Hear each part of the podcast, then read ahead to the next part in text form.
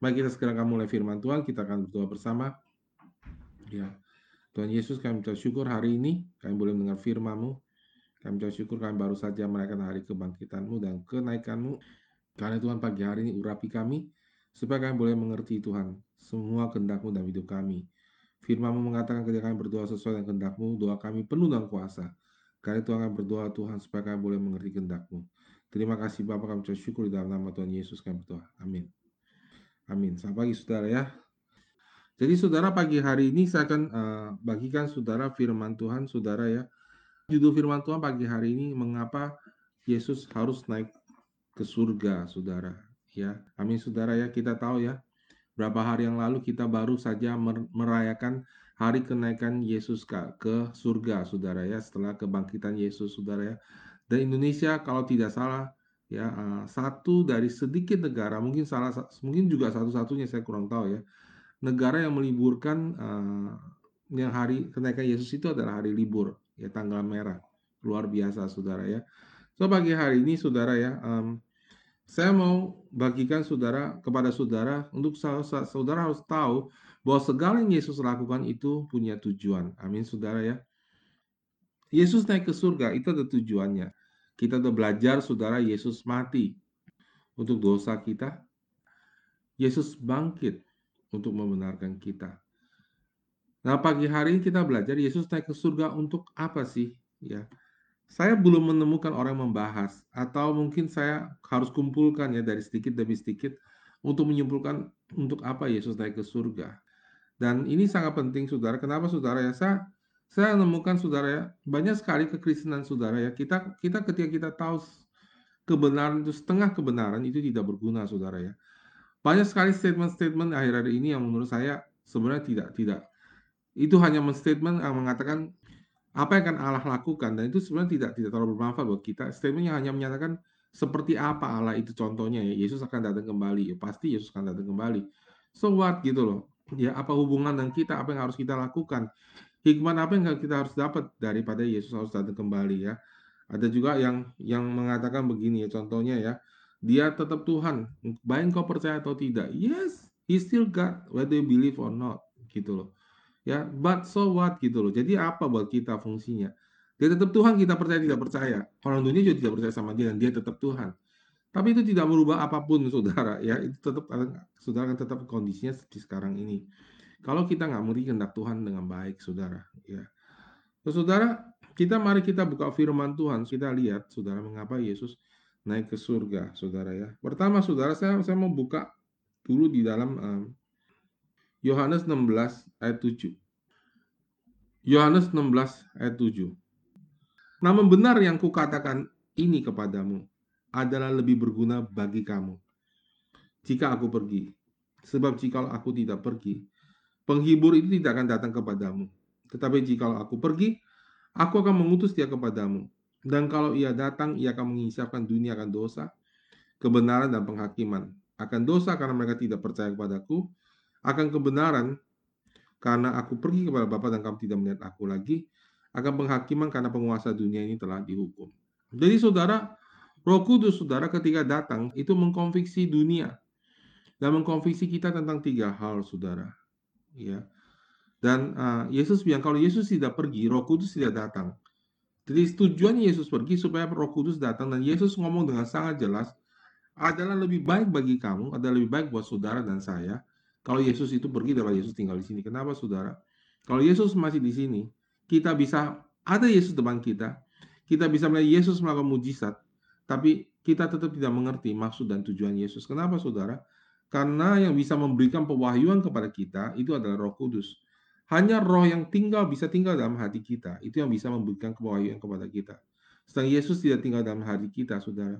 Jadi saudara andai kata Yesus masih di sini dan saudara terus-menerus melihat Yesus melakukan mujizat secara fisik sekalipun, saudara mungkin dan sangat-sangat mungkin saudara ya, dan sudah terbukti Alkitab ketika Yesus berjalan di muka bumi ini saudara, jauh lebih sedikit orang percaya kepada dia daripada zaman sekarang di mana Yesus tidak bisa dilihat secara fisik, tapi Roh Kudus yang hadir tengah kita, saudara. Jadi, saudara, ketika Roh Kudus hadir tengah kita di hati kita, kita punya kemampuan percaya kepada Dia, saudara. Nah, tiga hal ini, saudara, Roh Kudus itu datang, saudara, ya. Ini ini side ya, ini ya, tambahan aja saudara ya. Tiga hal tujuannya Roh Kudus datang, saudara. Pertama, Roh Kudus itu datang untuk menyiapkan dunia akan dosa, kebenaran, dan penghakiman. Ya, saudara, tiga tugas utama saudara Roh Kudus adalah memberikan, terutama adalah memberikan konviksi bahwa dunia itu adalah orang berdosa. Ada yang nanya sama saya, Om saya mau saya takut bicara sama teman-teman saya. Nanti kalau mereka menolak saya bagaimana? Ya. Nah, saudara, pekerjaan penginjilan itu bukan hanya pekerjaan kita. Saudara harus tahu, Yesus bilang aku beserta dengan engkau sampai pada akhir zaman. Jadi jangan lupa itu saudara.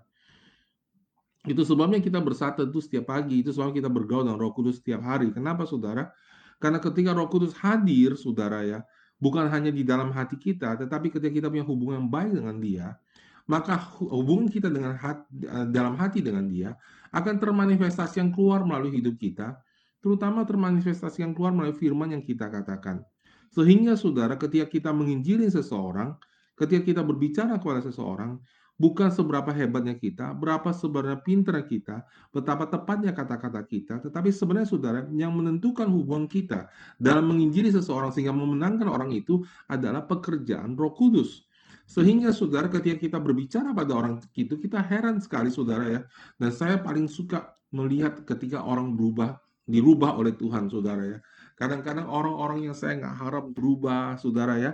Uh, saya lihat itu terjadi mana-mana, sudah di Serang, uh, di Citra, di Surabaya, di Taiwan, saudara ya. Orang-orang yang tadinya wah pemain game dan sebagainya ya, yang kita nggak harapkan untuk berubah sama sekali. Tetapi ketika Tuhan melawat mereka, ketika Roh Kudus turun menghadir dalam hidup mereka, tiba-tiba mereka berubah menjadi sangat radikal, sangat mengasihi Tuhan.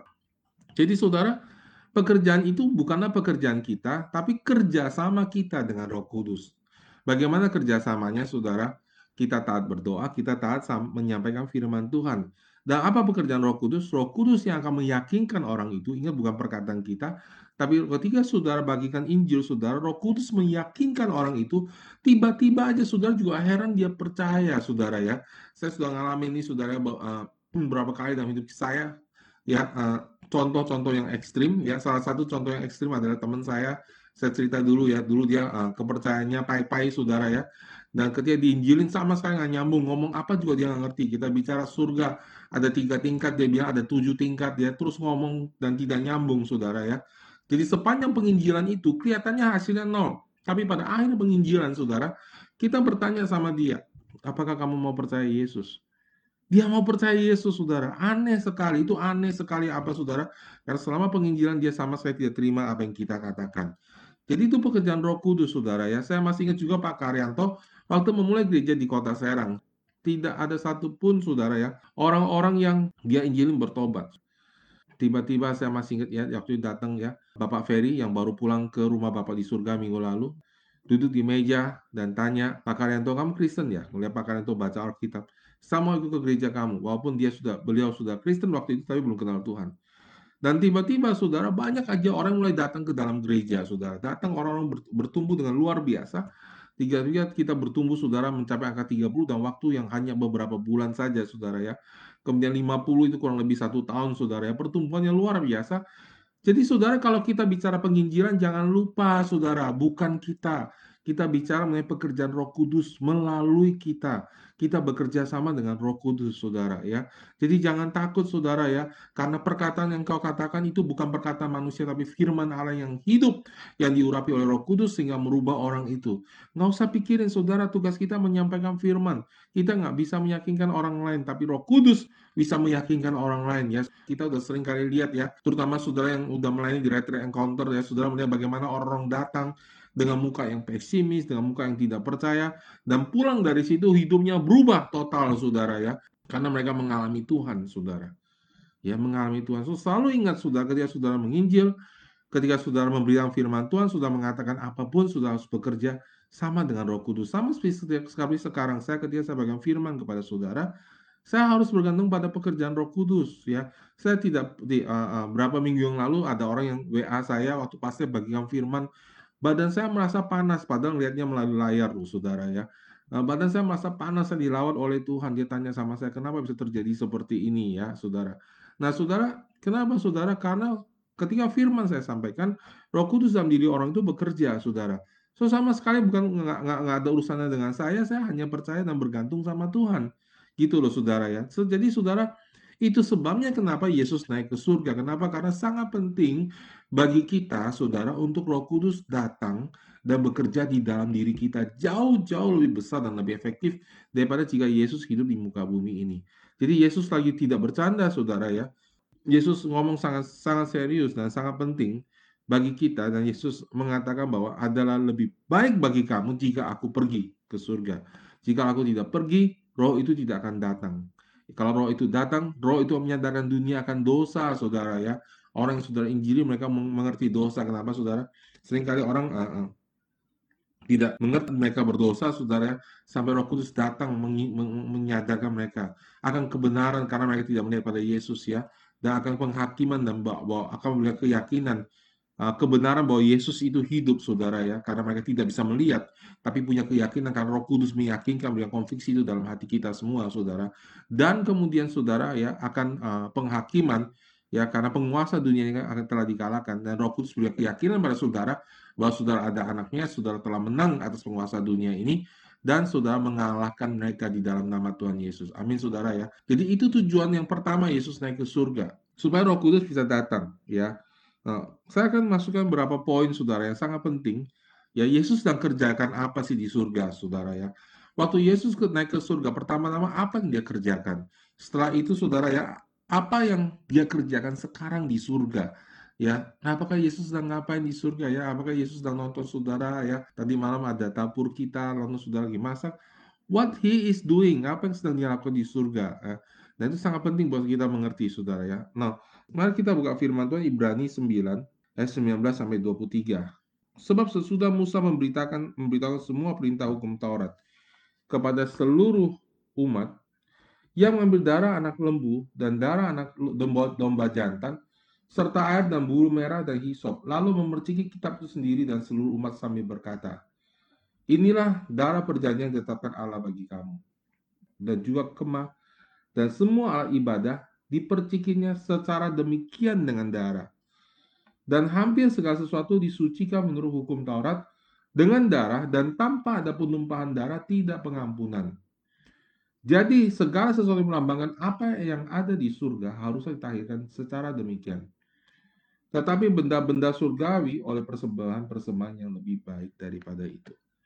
Nah, saudara Musa itu mendapatkan contoh akan bait suci yang asli yang di Alkitab, yang di yang di surga. Jadi bait suci yang Musa lihat itu, saudara, ya di atas Gunung Sinai itu adalah bait suci yang asli. Tapi bait suci yang Musa bikin di padang Gunung Sinai itu adalah fotokopi dari apa yang ada di surga. Ya, dan Musa menyucikan bait suci itu, saudara. Peralatannya, ya, bait suci sendiri dan kitab Tauratnya, saudara ya. Dan semua itu disum, di, disucikan menurut hukum Taurat dengan darah. Ya. Karena apa, saudara? Tanpa penumpahan darah tidak ada pengampunan. Amin. Itu sebabnya saudara orang tidak mengenal Yesus tidak mendapatkan pengampunan karena tidak ada darah Kristus dalam diri mereka tidak ada pengampunan, tidak ada yang bayar dosa orang itu. Ya. Jadi segala sesuatu yang ada di surga haruslah ditahirkan secara demikian tetapi benda-benda surgawi oleh persembahan-persembahan yang lebih baik daripada itu. Ya. Ini sebenarnya sebenarnya saudara kita sebuah pertanyaan ya. Saudara, kalau sudah berdoa, saudara bayangin surga, tentu sudah bayangin surga itu suci, ya. Surga itu kudus gitu ya, saudara, nggak ada dosa di sana dan sebagainya. Kalau begitu, saudara, mengapa saudara surga itu harus disucikan? Kan pertanyaan begitu, saudara ya. Karena kitab Ibrani mengatakan demikian, saudara. Ya, bahwa surga itu disucikan, saudara. Nah, kenapa surga disucikan? Karena sebelumnya, saudara, Jawabannya, saudara, mengenai hal ini, karena sebelumnya iblis ada di situ. Jawaban ini kita ketemu di kitab Ayub yang kita baca minggu lalu, saudara ya. Saya baca kembali, saudara ya. Uh, supaya saudara mengerti bahwa apa yang terjadi dalam Ayub tidak akan terjadi dalam hidup kita. Amin, saudara. Ya, karena Ayub hidup di perjanjian lama, sudah sudah belajar mengenai masa dan zaman.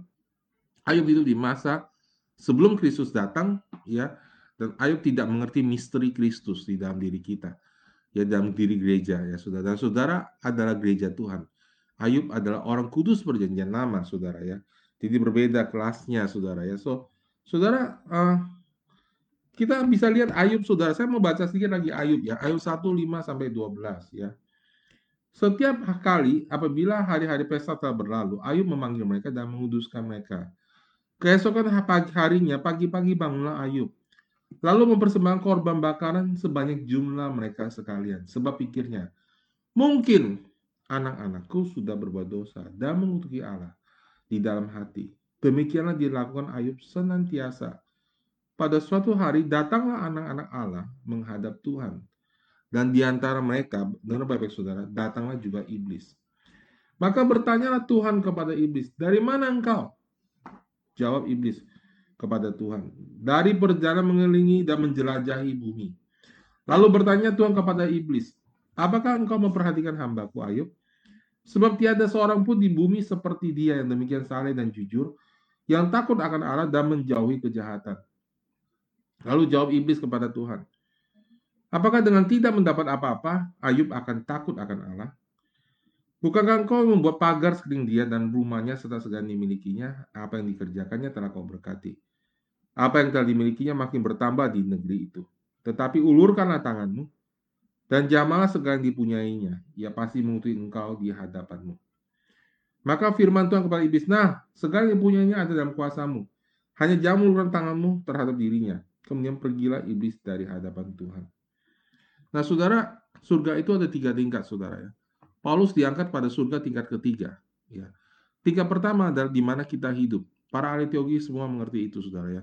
Tempat kita tinggal adalah tempat kita hidup. Di atas kita ada penguasa udara, saudara ya. Ada atmosfer di atas kita, penguasa udara.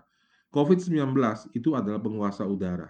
Roh di udara yang harus dilawan bukan dengan doa perorangan, tapi harus dilawan dengan doa jemaat Tuhan. Doa sebagai gereja.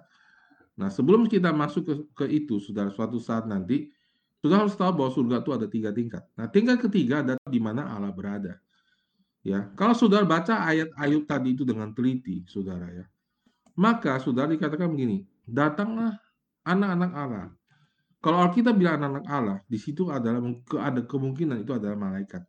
Dan di sini tidak lain tidak bukan adalah malaikat, saudara. Saudara pernah nonton film-film yang film film-film kungfu atau apa yang kuno di mana raja duduk di atas takhta singgah sana. Lalu para hamba-hambanya, perdana menteri dan semuanya datang melapor, saudara. Ya, dan di situ dikatakan bahwa anak-anak Allah menghadap Allah, saudara. Ya, datanglah anak-anak Allah menghadap Tuhan, dan di antara mereka datanglah juga iblis, lapor, saudara. Jadi, saudara, kalau kita teliti membaca firman Tuhan ini dan kita mulai merenungkan firman Tuhan ini, kita mulai berpikir kurang ngajar amat ya. Iblis bisa masuk ke tempat di mana Allah sedang bertata. Itu surga tempat tingkat ketiga loh saudara. Ya Allah bertata itu adalah surga tingkat ketiga. Surga di mana semuanya kudus di sana dan iblis bisa hadir di sana. Dan lebih hebatnya lagi saudara ya Allah tidak tidak Allah tidak menghadir dia, tapi Allah bertanya kamu dari mana? Ya habis dari mana loh gitu ya kira-kira begitu ya kamu habis dari mana ya iblis jawab dengan santai habis keliling dunia ngeliat-liat ciptaan Tuhan ngeliat-liat uh, ada apa di dunia habis patroli gitu ya kira-kira begitu ya kalau kita mengatakan bahwa iblis berkeliling seperti singa mengaum-ngaum menerkam ya dia patroli saudara ya ketemu Tuhan dengan nyamannya dengan enaknya dan terus dia bilang tuh Ayub Tuhan bilang kamu lihat nggak Ayub hambaku wah oh, saya terjemahin bahasa sehari-hari ya. Ayub tuh setia gagal Tuhan kasih segala sesuatu sih. Coba kalau Tuhan ambil semuanya dari Ayub, saya jamin Ayub tidak akan menyembah engkau lagi. Tuhan kasih izin, saudara. Pertanyaannya, saudara, adalah kok bisa dia bercakap-cakap sama Tuhan seperti itu? Kok bisa dia berbicara seperti sama Tuhan dan nuntut Ayub? Ya, hebat bener otoritasnya gitu loh, saudara ya. Saudara tahu nggak? Tidak semua orang bisa masuk menghadap raja. Kau sudah mengerti sistem kerajaan. Kalau orang tidak dipanggil raja, ya seperti waktu Esther, saudara ya, sudah baca kitab Esther ya. Esther pun nggak berani menghadap raja. Kalau dia menghadap raja, raja harus memberikan tongkat emas sebagai tanda anugerah. Baru Esther diterima. Kalau nggak, hukumannya mati. Kalau menghadap raja tidak dipanggil, saudara. Ya. Jadi menghadap raja itu dalam sebuah sistem kerajaan itu wow sekali, saudara. Dan saudara harus tahu, saudara, bahwa iblis datang dengan santainya menghadap Tuhan. Dan dengan santainya berbicara sama Tuhan, saudara ya, seperti sahabat. Pertanyaan mengapa bisa seperti itu, saudara? Karena itu adalah tempat di mana Allah sebenarnya berikan kepada manusia, kepada anak manusia, untuk duduk bersama-sama dengan dia. Nah, iblis telah mengambil itu, saudara. Kenapa? Karena Adam menjualnya kepada iblis ketika Adam berbuat dosa. Ya, iblis bicara sama Hawa, tahu dia tahukah engkau yang kau makan buah pengetahuan baik dan jahat ini, engkau akan menjadi sama seperti Allah. Itu tipuan yang luar biasa, saudara ya. Moga-moga suatu waktu kita punya uh, kesempatan membahas itu tentang identitas. Itu tipuan yang luar biasa. Kalau kau makan, kamu akan sama dengan Allah. Padahal Adam dan Hawa diciptakan dengan rupa dan teladan Allah. Mau sama kayak Allah seperti apa lagi, saudara? Ya, jadi iblis mengambil, merampok semua itu, dan kemudian iblis duduk di situ, dan di situlah sebabnya, saudara, di perjanjian lama, saudara ya, uh, begitu keras Allah ya bertindak, saudara, karena tidak ada uh, tidak ada penumpahan darah di surga saudara. Iblis menuduh terus setiap hamba Tuhan setiap anak Tuhan saudara ya. Sampai Yesus mati di atas kayu salib. Ketika Yesus mati di, atas kayu salib saudara harus tahu Yesus datang sebagai manusia full sepenuhnya ya. Keilahiannya kealahannya ditanggalkan sepenuhnya. Karena itu saudara ketika Yesus naik ke surga Yesus juga naik ke surga sebagai anak manusia sepenuhnya Buktinya apa saudara? Yesus masih punya bekas luka paku di tangannya ditinggalkan sebagai bukti bahwa dia adalah manusia, ya. Bahwa dia pernah mati. Ya. Allah tidak bisa mati, tapi manusia bisa mati, Saudara ya. Dia pernah mati dan dia dihidupkan kembali oleh kuasa Allah. Ketika Yesus naik ke surga, Saudara, dia naik sebagai anak manusia yang membenarkan banyak orang oleh karena perbuatan benarnya, Saudara ya. Sehingga dia duduk di sana sebagai perwakilan kita. Nah, tempat itulah disucikan dengan darah Yesus. Jadi sekarang, saudara, di situ tidak ada lagi iblis. Iblis turun dari surga tingkat ketiga, turun ke tingkat kedua. Ya, nanti pada akhir zaman dia akan turun lagi ke tingkat pertama, saudara. Ya, pada waktu itulah bumi yang kacau. Nah, let's skip, kita akan skip itu dulu, kita nggak bicara itu.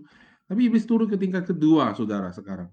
Jadi saudara di surga, saudara, eh, di sebelah kanan Allah Bapa itu, saudara, ya itu ada yang duduk adalah Yesus. Nanti kita akan bahas ayatnya. Tapi yang kita sama tekan bahwa saat ini Yesus menyucikan semua tempat itu dengan darah Yesus. Amin. Itu sebabnya kenapa surga perlu disucikan. Jadi saudara, kalau ada yang menuduh kita, saya tahu kita berbuat salah, kita berbuat banyak banyak sekali kesalahan. Jangan saudara saya pun seperti itu. Kita punya banyak banyak sekali kelemahan, saudara. Setiap hari kita ada kesalahan, kita punya kelemahan. Tapi saudara harus tahu satu hal, bahwa Allah tidak akan pernah bilang lagi ambil semua, dia setia enggak. Kenapa saudara? Itu itu dari iblis dan iblis tidak ada di situ. Yang ada di situ sekarang adalah Yesus, saudara. Yesus selalu membela kita. Ketika Yesus membawa darah Yesus ke surga, itu tujuannya apa, saudara? Alkitab yang yang berseru lebih kuat daripada darah Habel. Itu darah Yesus. Kenapa? Setiap kali kita bikin salah, kita punya kekurangan. Darah Yesus ada di situ dan berseru. Orang itu sudah saya ampunin. Orang itu sudah saya benarkan, saudara. Ya. Jadi itulah tugas Yesus, saudara. Naik ke surga, menyucikan semua itu, saudara ya sehingga sudah tidak ada yang boleh lagi menuduh kita di hadapan Allah di surga. Amin, saudara. Ya. Yang kedua, saudara ya, menghapuskan dosa kita sekali untuk selamanya. Ya. Di ayat ke uh, 24 Ibrani 9 masih ya. Ayat 24 sampai 28. Sebab Kristus bukan masuk ke tempat kudus buatan manusia, yang hanya merupakan gambaran saja dari yang sebenarnya tetapi ke dalam surga sendiri untuk menghadap Allah guna kepentingan kita, saudara. Jadi saudara Yesus naik ke surga itu untuk kepentingan saudara dan saya, ya. Dan bukan masuk untuk berulang-ulang mempersembahkan dirinya sendiri, sebagaimana imam besar setiap tahun masuk ke dalam tempat kudus dengan darah yang bukan darahnya sendiri.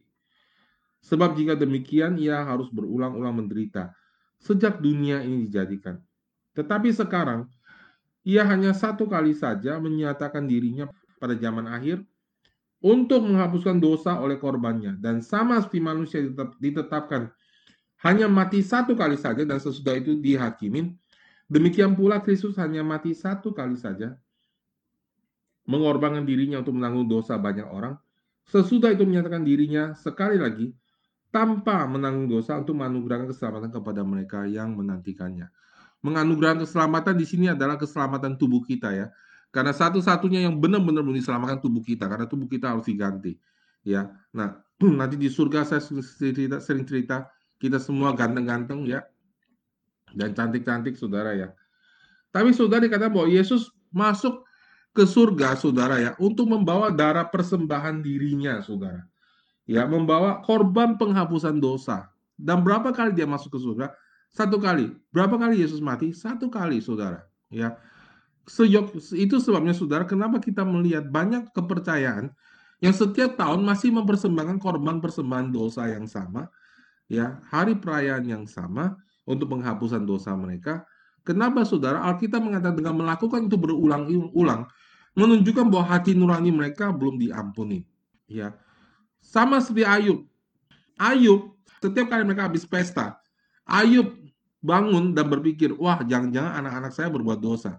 Lalu dia mempersembahkan korban bakaran. Jadi pikirannya adalah jangan-jangan mereka bikin dosa dan saya tidak tahu. Kenapa saudara? Saya mau kasih tahu saudara satu hal. Ya, uh, uh, mungkin sudah banyak pertanyaan, tapi saya akan kasih tahu saudara satu hal, saudara ya. Dosa itu bukan masalah apa yang saudara dan saya perbuat. Dosa itu masalah identitas. Ketika Adam makan buah pengetahuan yang baik dan jahat itu, saudara, dia hanya berbuat kesalahan satu kali saja. Tetapi hukumannya, saudara ya, hukumannya luar biasa, saudara ya. Semua manusia kehilangan kehilangan hidup kekal mereka. Kenapa, saudara? Karena dosa itu bukan masalah dia hanya makan buah itu, tetapi ketika buah pengetahuan baik dan jahat itu masuk dalam dirinya, itu merubah identitasnya. Itu sebabnya saudara ketika anak kecil saudara, kalau saudara biarkan saja, saudara nggak perlu ajar apa-apa, dia bisa, dia bisa bikin dosa, dia bisa menipu, dia bisa dan sebagainya. Kenapa saudara? Karena dosa itu bukan masalah dia melihat godaan saudara. Dosa akar yang paling dalam adalah identitas. Dan ketika orang tidak menerima Yesus, saudara, identitas ini tidak bisa berubah. Itu sebabnya saudara, hukuman kematian itu kekal. Kenapa saudara? Karena sekalipun orang itu dikasih hidup 100 tahun, 200 tahun, 300 tahun, 1000 tahun sekalipun, mereka tidak akan bisa berubah. Karena identitasnya tidak bisa berubah. Mereka adalah pendosa. Pada waktu darah Yesus mengampuni kita, Yesus merubah identitas kita, saudara. Sekali untuk selamanya. Dan ketika kita menerima darah Yesus, saudara, kita menjadi orang benar, saudara.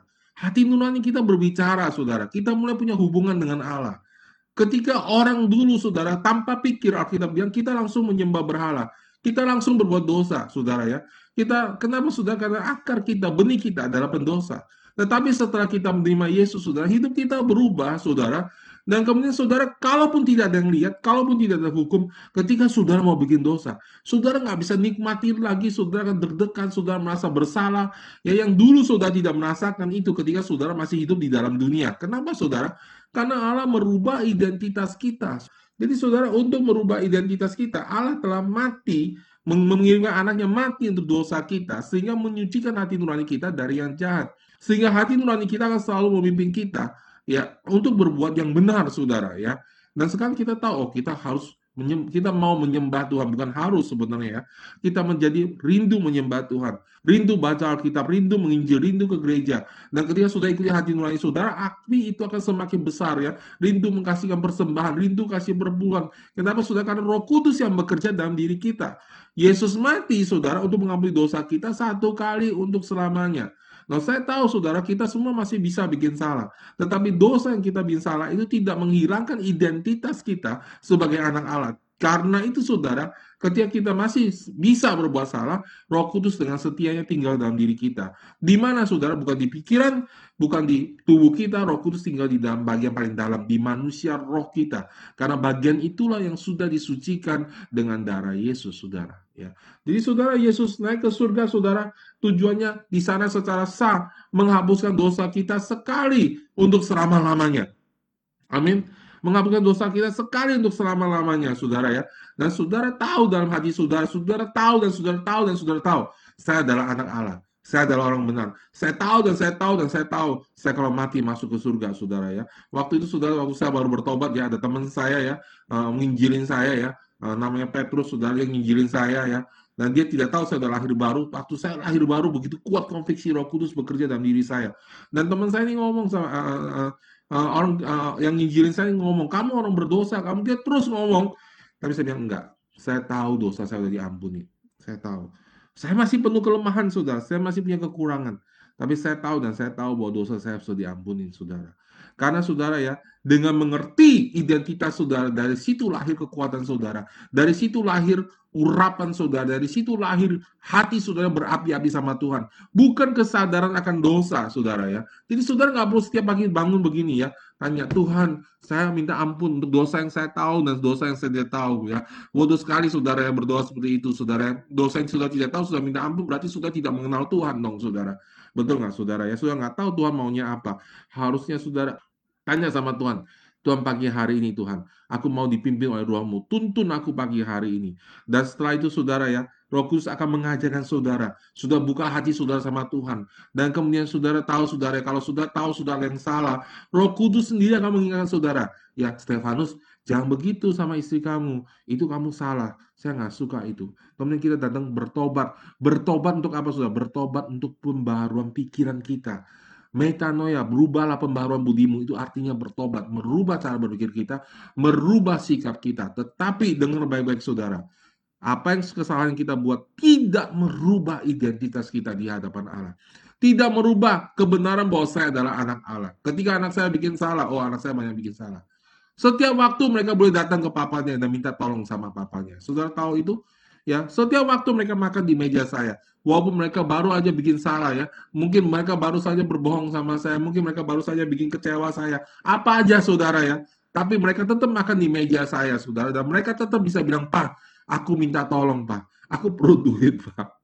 Nah, mereka bisa minta itu, saudara. Kenapa, saudara? Ya, bukan apa yang mereka perbuat yang membuat saya memberikan mereka itu, tetapi identitas mereka sebagai anak. Demikian apalagi Bapak kita di surga, saudara ya, yang jauh-jauh lebih baik daripada Bapak kita di muka bumi ini, saudara ya. Setiap waktu kita boleh datang kepada Dia, kita boleh minta sama Dia karena Dia adalah Bapak kita, saudara. Kenapa, saudara? Identitas kita telah dirubah menjadi anak. Amin, saudara. Dan hubungan antara Bapak dan anak itu bukan masalah perbuatan. Oh, anak saya dapat angka 100, anak papa, dapat 90, anak mama, dapat 80, anak tetangga. Ya. Itu nggak ada hubungannya dengan itu, Saudara. Hubungan anak dan bapak adalah hubungan darah dan hubungan kelahiran, Saudara. Itu sebabnya, Saudara, kita adalah anak Allah. Hubungan kita dengan dengan Bapak di surga adalah hubungan darah. Darah Yesus dalam menunjukkan kita dan hubungan kelahiran karena kita telah dilahirkan kembali oleh Roh Kudus, Saudara. Kita adalah orang-orang benar. Kita adalah anak-anak Allah, saudara. Ya, jangan berpikir setiap hari saya bikin dosa apa, tapi berpikir setiap hari. Roh Tuhan Kristus tinggal di dalam diri aku, dan aku mau dituntun oleh Roh Kudus. Dengan demikian, saudara, dosa akan berhenti, akan dikalahkan dalam hidup kita, saudara. Amin, saudara. Seperti itu, saudara ya. Jadi Yesus ke surga, saudara, untuk menegaskan, untuk untuk mensahkan pengampunan dosa kita, satu kali untuk selamanya. Satu kali untuk selamanya, ya. Kalau nggak satu kali untuk selamanya nanti repot saudara ya. Kita lagi bikin salah terus mati nanti nggak masuk ke surga saudara. Itu sebab Yesus mati untuk dosa kita. Satu kali untuk selamanya merubah identitas kita satu kali untuk selamanya. Amin. Yang ketiga saudara dia menjadi pembela kita ya. Nah ini sangat penting penting banget sudah dengan baik-baik ya. Saya akan menyelesaikan khotbah saya hari ini oke? Amin saudara ya jadi Ibrani 10 ayat 12 sampai 14. Tetapi set, ia setelah mempersembahkan hanya satu korban saja karena dosa, satu saja dirinya sendiri, nggak perlu banyak karena korbannya itu sempurna, saudara ya. Satu korban saudara saja, saudara ya, uh, karena dosa. Kemudian saudara satu korban saja karena dosa, ya sudah catat ya Ibrani 10 ayat 12 sampai 14 ini ayat sangat penting hari ini, saudara ya. Satu korban saja karena dosa, ia duduk untuk selama-lamanya. Duduk untuk selama-lamanya. Saya ulang lagi. Ia duduk untuk selama-lamanya ya. Di sebelah kanan Allah dan sekarang ia hanya menantikan saatnya. Saya ulang lagi. Dan sekarang ia hanya menantikan saatnya. Saat di mana musuh-musuhnya akan dijadikan tumpuan kakinya. Ya Sebab oleh satu korban saja ia telah menyempurnakan untuk selama-lamanya yang telah ia kuduskan. Ini penting sekali ayat ini. Ya. Alkitab mengatakan bahwa Yesus setelah, setelah naik ke surga, ia membawa korban penebusan dosa dan membawa satu korban dan selama-lamanya duduk di sebelah kanan Allah Bapa. Duduk di sebelah kanan raja itu sangat penting, Saudara. Ya. Sudah tahu ya Alkitab selalu mengatakan di sebelah kanan Allah, sebelah kiri. Yang sebelah kanan itu mendapat perkenanan. Terimalah hidup yang kekal. Hai engkau sebelah kiri, masuklah ke neraka, saudara ya. Dan saudara, uh, kanan dan kiri itu berbicara mengenai perkenaan dan yang kena murka, saudara. Ketika duduk di sebelah kanan Allah, artinya mendapat perkenaan. Saudara harus tahu, saudara ya. Sudah jangan pikir, oh pantas saja duduk sebelah kanan Allah, orang dia juga Allah. Tidak, saudara. Ya sudah jangan melihat seperti itu kan Yesus juga Allah, pantas dong dia duduk sebelah kanan Allah. Enggak, saudara ya. Filipi mengatakan dengan jelas Allah mengangkat dia ya, sangat tinggi. Kenapa Allah perlu mengangkat dia, saudara? Karena dia adalah manusia yang merendahkan diri taat sampai mati di atas kayu salib, mengosongkan dirinya. Karena itu saudara, karena dia mengosongkan diri menjadi manusia, dia perlu diangkat oleh Allah, dia tidak bisa mengangkat dirinya sendiri. Sudah harus tahu prinsip ini sangat penting di dalam Alkitab. Ya, Yesus adalah Allah yang telah menjadi manusia dan masih dalam rupa manusia. Itu sebabnya sudah dia masih punya tubuh dan ketika dia duduk di surga dia adalah manusia yang mewakili kita. Dia adalah imam besar yang mengerti kelemahan kita, saudara. Ya, jadi saudara ketika dia duduk di sebelah kanan Allah, dia diangkat, dia berkenan kepada Allah. Dengan kata lain saudara, kita semua sekarang berkenan kepada Allah. Dia di sebelah kanan Allah Bapa, dia berbicara kepada Allah Bapa di sebelah kanannya ya bukan lagi iblis saudara. Jangan lupa saudara ya. Tadi iblis datang menghadap. Tapi Yesus tidak datang menghadap saudara. Yesus datang menghadap untuk selama satu kali saja menghadap Allah membawa korban dosa dan setelah itu tidak menghadap lagi melainkan duduk bersama-sama dengan dia. Wow sekali saudara ya. Luar biasa sekali saudara. Duduk selama-lamanya bersama-sama dengan dia untuk memerintah bersama-sama dengan dia untuk bekerja sama dengan dia saudara. Amin saudara ya. Sebagai wakil kita sebagai manusia saudara ya dan dia duduk sebelah kanan Allah berarti sejajar sudah tahu zaman dulu raja-raja nggak boleh duduk sejajar. Ya dia sejajar punya otoritas yang sama. Itu sebabnya saudara sebagai orang Kristen kita punya otoritas yang sama. Ya betapa hebat kuasanya ya di Efesus mengatakan itu membangkitkan Yesus dari orang mati dan menunjukkan dia di sebelah kanannya di surga dan kuasa yang sama Allah berikan kepada kita. Kuasa yang sama yang bekerja dalam diri Allah Bapa untuk membangkitkan Yesus dari antara orang mati dan menaikkan dia ke atas surga. Alkitab mengatakan bahkan kuasa itu bekerja dalam diri kita. Saya tahu saudara, kalau sudah dengerin susah banget nangkepnya, saya juga susah banget nangkepnya ya. Wow banget gitu sebenarnya janji Allah. Tapi kita lihat sekarang kuasa Allah itu masih treat trik sedikit-sedikit saudara ya. Kenapa saudara saya percaya ini karena gereja itu salah ngajar saudara ya. Gereja itu punya taruh mindset dalam pikiran jemaatnya itu salah selalu pikirannya waktu saya itu kalah, saya berdosa, saya bikin salah apa. Sehingga gereja tidak mengerti kuasa Allah, nggak mengerti besarnya kasih Allah, malah memandang dosanya sendiri saudara. Kasih Allah mengalahkan kekuatanmu, mengalahkan dosa yang kita perbuat. Kasih Allah lebih besar, kuasa kerja Allah lebih besar dalam diri kita ketika kita mengizinkannya, saudara ya. Lebih besar daripada kelemahan kita ketika kita mengizinkan Allah bekerja dalam diri kita. Amin, saudara. Ya, jadi dia duduk sebelah kanan Allah Bapa. Itulah otoritas kita. Efesus 2 ayat 4, tetapi Allah yang kaya dengan rahmat oleh karena kasih yang besar dilimpahkannya kepada kita, telah menghidupkan kita bersama-sama dengan Kristus, sekalipun kita telah mati oleh kesalahan-kesalahan kita oleh kasih karunia, kamu diselamatkan dan di dalam Kristus ia telah membangkitkan kita juga dan memberikan kita tempat bersama-sama dengan dia di surga, saudara. Saudara lihat nggak, saudara ya? Nanti saya akan jelaskan mengapa kita dapat tempat bersama-sama dengan Kristus di surga, saudara ya. Bagaimana kita mempraktekannya, saudara ya. Dan saudara lihat ya, pertama dia duduk sejajar, dan kemudian saudara, dia duduk, itu artinya pekerjaannya sudah selesai. Kenapa Yesus naik ke surga? Karena pekerjaannya sudah selesai, ya. Sudah boleh anggap ini poin berikutnya atau poin keberapa saya nggak tahu, saudara. Yang penting kita mengerti, saudara. Yesus duduk sebelah kanan di surga melambangkan pekerjaannya sudah selesai. Saya repeat, saya ulang, saudara. Pekerjaan Yesus sudah selesai. Jadi, saudara, dia duduk, artinya pekerjaan sudah selesai. Nah, ini sangat penting sekali, saudara. Seringkali kita hidup dalam dunia ini, kita minta Yesus bekerja. Nah, yang sedang bekerja sudah dalam hidup kita, bukan Yesus, saudara. Yang sedang bekerja adalah Roh Kudus dalam hidup kita. Yesus di surga. Roh Kudus dalam hati kita. Sehingga ketika kita berdoa, saudara, kita bukan memandang ke sana, tapi kita harus mendengar yang di sini, saudara. Ya, kita berpikir seperti pikiran Allah, tapi kita mendengar suara Tuhan itu di dalam hati kita. Tidak jauh, saudara. Ya, jadi Tuhan tuh nggak akan bicara aneh-aneh sama saudara. Dengarkan suara hati kita. Dan saudara akan semakin kuat mengerti pimpinan dan tuntunan Tuhan dalam hidup kita. Dalam hidup saudara. Amin saudara ya. Jadi saudara, pekerjaannya sudah selesai. Dan sekarang ia hanya menantikan saatnya di mana musuh-musuhnya dijadikan tumpuan kakinya. Ini penting banget, penting banget ya. Saya dengarkan, saya baca sekali lagi buat saudara ya. Dengar baik-baik saudara ya. Dan sekarang ia hanya menantikan saatnya di mana musuh-musuhnya akan dijadikan tumpuan kakinya. 2000 tahun, sudah hampir 2000 tahun saudara. Yesus di surga menantikan tumpuan musuhnya dijadikan tumpuan kakinya. Sudah tahu nggak artinya menantikan? Satu ayat lagi ya, untuk menunjukkan bahwa Yesus menantikan ya. Kisah Rasul 3 ayat 21. Ya, saya bacakan lagi nih. Ini yang poin paling penting hari ini, saudara ya. Kisah Rasul 3 ayat 21. Kristus itu harus tinggal di surga sampai pemulihan segala sesuatu. Seperti yang difirmakan dengan perantara nabi-nabinya pada zaman yang dahulu. Kristus harus tinggal di surga sampai pemulihan segala sesuatu. Yang tadi biar dia menantikan.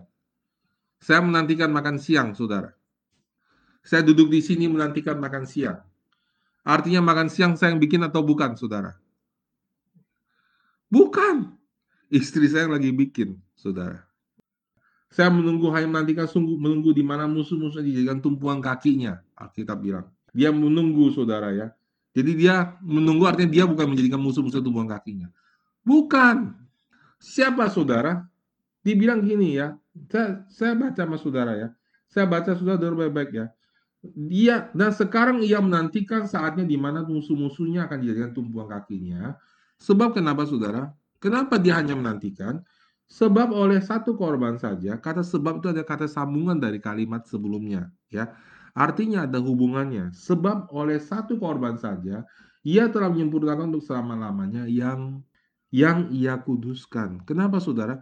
Karena pekerjaan dia sudah selesai, bagian dia sudah selesai menguduskan untuk selama-lamanya kita jemaatnya. Jadi itu oleh karena itu saudara Kristus tidak lagi melakukan apa-apa. Kristus hanya duduk di surga. Saudara mengerti nggak maksudnya? Kenapa saudara? Karena semua kuasa telah dilimpahkan dan diberikan kepada jemaatnya. Ini lebih jauh lagi dalam kitab Efesus, saudara ya. Segala sesuatu telah diletakkan di bawah kaki Kristus. Dan Kristus telah diberikan sebagai kepala, yaitu jemaatnya yang adalah tubuhnya yang memenuhi semua dan segala sesuatu. Itu di Efesus 1, saudara ya. Jadi kita adalah tubuhnya yang memenuhi semua dan segala sesuatu. Kepalanya ada di surga, saudara. Tubuhnya di muka bumi ini. Siapa yang bekerja? Saudara, otak saya berpikir, saya mau makan, saya mau makan, saya udah lapar, saya mau khotbah, saya mau khotbah. Selama saya berpikir, tangan saya tidak bergerak, kaki saya tidak bergerak, mulut saya nggak mau buka, saudara. Walaupun saya berpikir yang seperti itu. Saya nggak bisa bikin apa-apa, saudara. Sampai tubuhnya itu bekerja. Ada amin, saudara. Ini loh maksud saya, Saudara boleh berdoa sampai saudara nangis keluar mata, sampai ingus saudara kering semua. Ya, saudara bisa berdoa untuk Tuhan hilangkan virus corona ini. Tuhan tidak akan menghilangkan virus corona. Sampai gerejanya mengusir di dalam nama Yesus. Bukankah Alkitab telah mengatakan segala kuasa telah diberikan kepadaku karena itu pergi jadikan semua bangsa muridku. Jadi gereja terus menerus salah melihat dan menunggu Allah bertindak. Yang benar adalah Allah menunggu gerejanya bertindak, saudara ya. Sampai saat ini gereja tidak bertindak, gereja pasif, gereja duduk sebagai orang yang kalah, dan gereja mengatakan, oh ini karena seizin Allah, ini karena kehendak Allah, kacau sekali saudara. Padahal kehendak Allah adalah saudara dan saya memerintah di muka bumi ini. Sampai kita memerintah di muka bumi ini. Yesus tetap duduk di surga. 2000 tahun dia duduk saudara. Dan saudara jangan berharap dia akan turun saudara. Dia akan tetap duduk di situ. Sampai saudara dan saya bertindak. Kalau tidak percaya, cari tetangga saudara. Doain dia bertobat dan jangan injilin dia. Dia tidak akan pernah bisa bertobat. Betul nggak? Sadar nggak saudara? Saudara boleh bilang doain orang untuk bertobat. Kalau saudara tidak injilin dia, dia tidak akan pernah bertobat. Karena saudara tidak melakukan apa yang Allah taruh, saudara lakukan. Karena roh kita, roh kudus ada dalam diri kita. Dan ini sangat indah sekali, saudara. Alkitab bilang, kita itu kawan pewaris dari Allah. Benar-benar, saudara, Yesus kasih kita warisan. Kenapa, saudara? Karena pekerjaan Yesus menginjili muka bumi ini belum selesai. Tapi dia berikan kepada kita, supaya kita dapat bagian dari kemuliaannya. Wow, itu luar biasa. Kenapa Yesus ke surga? Supaya kita bisa dewasa, saudara. Supaya kita bisa tuntun roh kudus, kita menjadi orang Kristen yang dewasa. Supaya kita bisa menjadi serupa dengan dia. Amin, saudara. Ya kenapa anak saya, saya utus sekolah di Singapura? Kenapa saya utus sekolah di Taiwan? Supaya mereka menjadi dewasa. Mempraktekkan apa yang sudah saya ajarkan. Kenapa kita masih tinggal di dunia ini? supaya kita bisa menjadi dewasa, mempraktekkan kuasa Allah yang telah diberikan kepada kita. Baru setelah sudah puas pulang ke surga nggak apa-apa. Jangan sekarang, saudara. Amin, saudara. Ya jangan sekarang. Jadi saudara, Yesus tidak melakukan apa-apa sudah di surga. Kenapa saudara? Segala kuasa telah diberikan kepada kita. Amin. Ya, saya kasih saudara satu cerita yang sudah saya sering ceritakan, ya kalian berkesan sekali. Ya suatu ketika hambanya Kenneth Hagen, saudara ya, dapat penglihatan waktu dia bicara sama Yesus, tiba-tiba ada iblis muncul depan dia. Dan Yesus terus ngomong, seolah-olah nggak tahu iblis itu ada depan dia. Sampai akhirnya hamba Tuhan ini nggak sabar, dia usir dalam nama Yesus iblis yang pergi. Dan dia tanya, Yesus kenapa engkau nggak usir? Yesus bilang, selama kamu tidak usir, aku tidak bisa usir. Yang benar Tuhan, Tuhan kasih dia ayatnya, saudara. Ya, ya, segala kuasa telah diberikan kepada kita, saudara. Ya, dan waktu itu sama waktu sekarang saya jauh lebih mengerti. Saudara, jangan berdoa menunggu Allah terus. Saudara harus bergerak berdoa, bergerak bersama dengan Allah. Bergerak bersama dengan tuntunan roh kudus dalam diri saudara. Amin. Ya. Saya kasih satu statement sebagai penutup, saudara. Mari kita bangkit, saudara. Ya. Jumat Jumat depan ini kita mulai doa bersama. Mari kita bangkit. Kita memerintah, saudara. Kita berdoa, kita yang mengusir corona ini. Kita adalah Kristus yang hadir di muka bumi ini. Ya, saya mau tutup saudara dengan satu statement ini.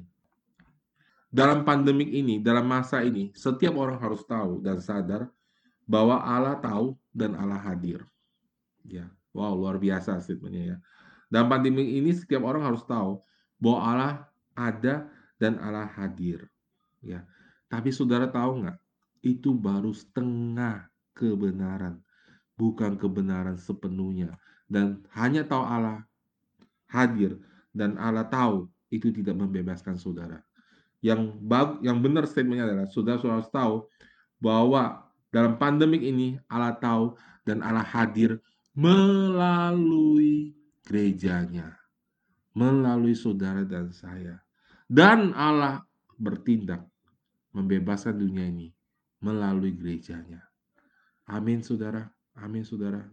Itulah tujuan Yesus naik ke surga, saudara memberikan kita kuasa, mengampuni dosa kita, ya, dan menantikan kita bertindak menjadi orang Kristen yang dewasa.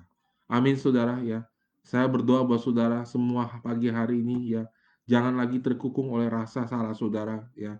Sebagai pastor, sebagai manusia, ya, saya bisa aja mengatakan saudara bikin salah, ya, itu wajar dalam hidup kita antar manusia. Kadang-kadang orang tua saudara ngomong saudara salah, ya uh, mungkin uh, teman saudara ngomong saudara salah is okay, nggak apa-apa saudara ya tapi jangan biarkan penuduhan yang memimpin hati saudara oke? Okay? yang paling penting saudara tahu bahwa Allah telah membenarkan saudara. Dan biar hati saudara hidup dari dipimpin oleh Allah saudara ya. Tuntunan Allah dalam hidup saudara. Amin saudara ya. Saya saya berdoa saudara inilah tujuan kenaikan Yesus ke atas surga. Yesus di surga untuk menyucikan tempat surga itu sehingga tidak lagi ini duduk kita. Yesus naik ke surga, membawa korban pengampunan untuk dosa-dosa kita, sehingga Roh Kudus bisa turun, ya tinggal dalam hidup kita. Ya, dia duduk di sebelah kanan untuk memerintah bersama-sama dengan Allah dan memberikan kita kuasa yang sama, saudara, si kuasa dia, ya. Dan saudara ya, dia uh, memberikan kita kuasa yang sama bahkan untuk membangkitkan Yesus dari mati dan menaikkan menaikkan dia di duduk sebelah kanan Allah di surga. Efesus 1 mengatakan bahwa kita punya kuasa yang sama. Mari kita praktek Ya, mari kita setia dalam praktek kuasa Tuhan. Mari kita setia praktek, saudara. Ya, setelah kita tahu kebenaran ini, dan saya percaya saudara dan saya kita akan bertumbuh, saudara, dalam mengalami kuasa Tuhan. Amin, saudara. Ya, jangan takut, jangan kecewa. Kadang-kadang kita harus melangkah dengan iman terus, saudara. Ya, ketika doa saudara belum lihat hasilnya, tapi jangan berhenti berdoa menurut kehendak Allah. Itu prinsipnya, saudara. Ya, sekalipun sudah berdoa tidak melihat hasilnya, Jangan pernah berhenti, jangan pernah menyesuaikan pikiran saudara ya dengan pikiran dunia, saudara. Selalu kita sesuaikan pikiran kita dengan pikiran Allah, saudara. Dan perkataan kita dengan perkataan Allah bahwa kehendak Allah yang terbaik buat hidup kita agar kita semua sehat, ya hidup sampai tua, melayani Tuhan penuh dengan kuasa mendorong orang sakit dan orang itu harus sembuh, Bahkan Tuhan tidak mau pada COVID ini, ya ini bukan pembunuhan karakter, ini pekerjaan iblis yang sepenuhnya harus kita benci, saudara ya. Karena COVID ini mengambil nyawa begitu banyak orang, saudara, yang belum sempat mendengar Injil tentang Yesus. Amin, saudara. Itulah bagian gereja, saudara ya. Bagian gereja bukan hanya berbuat baik, saudara ya, memberikan sembako, saudara. Bagian gereja yang terutama memberikan Injil kebenaran dan menyala terang di tengah dunia yang gelap ini. Amin, saudara.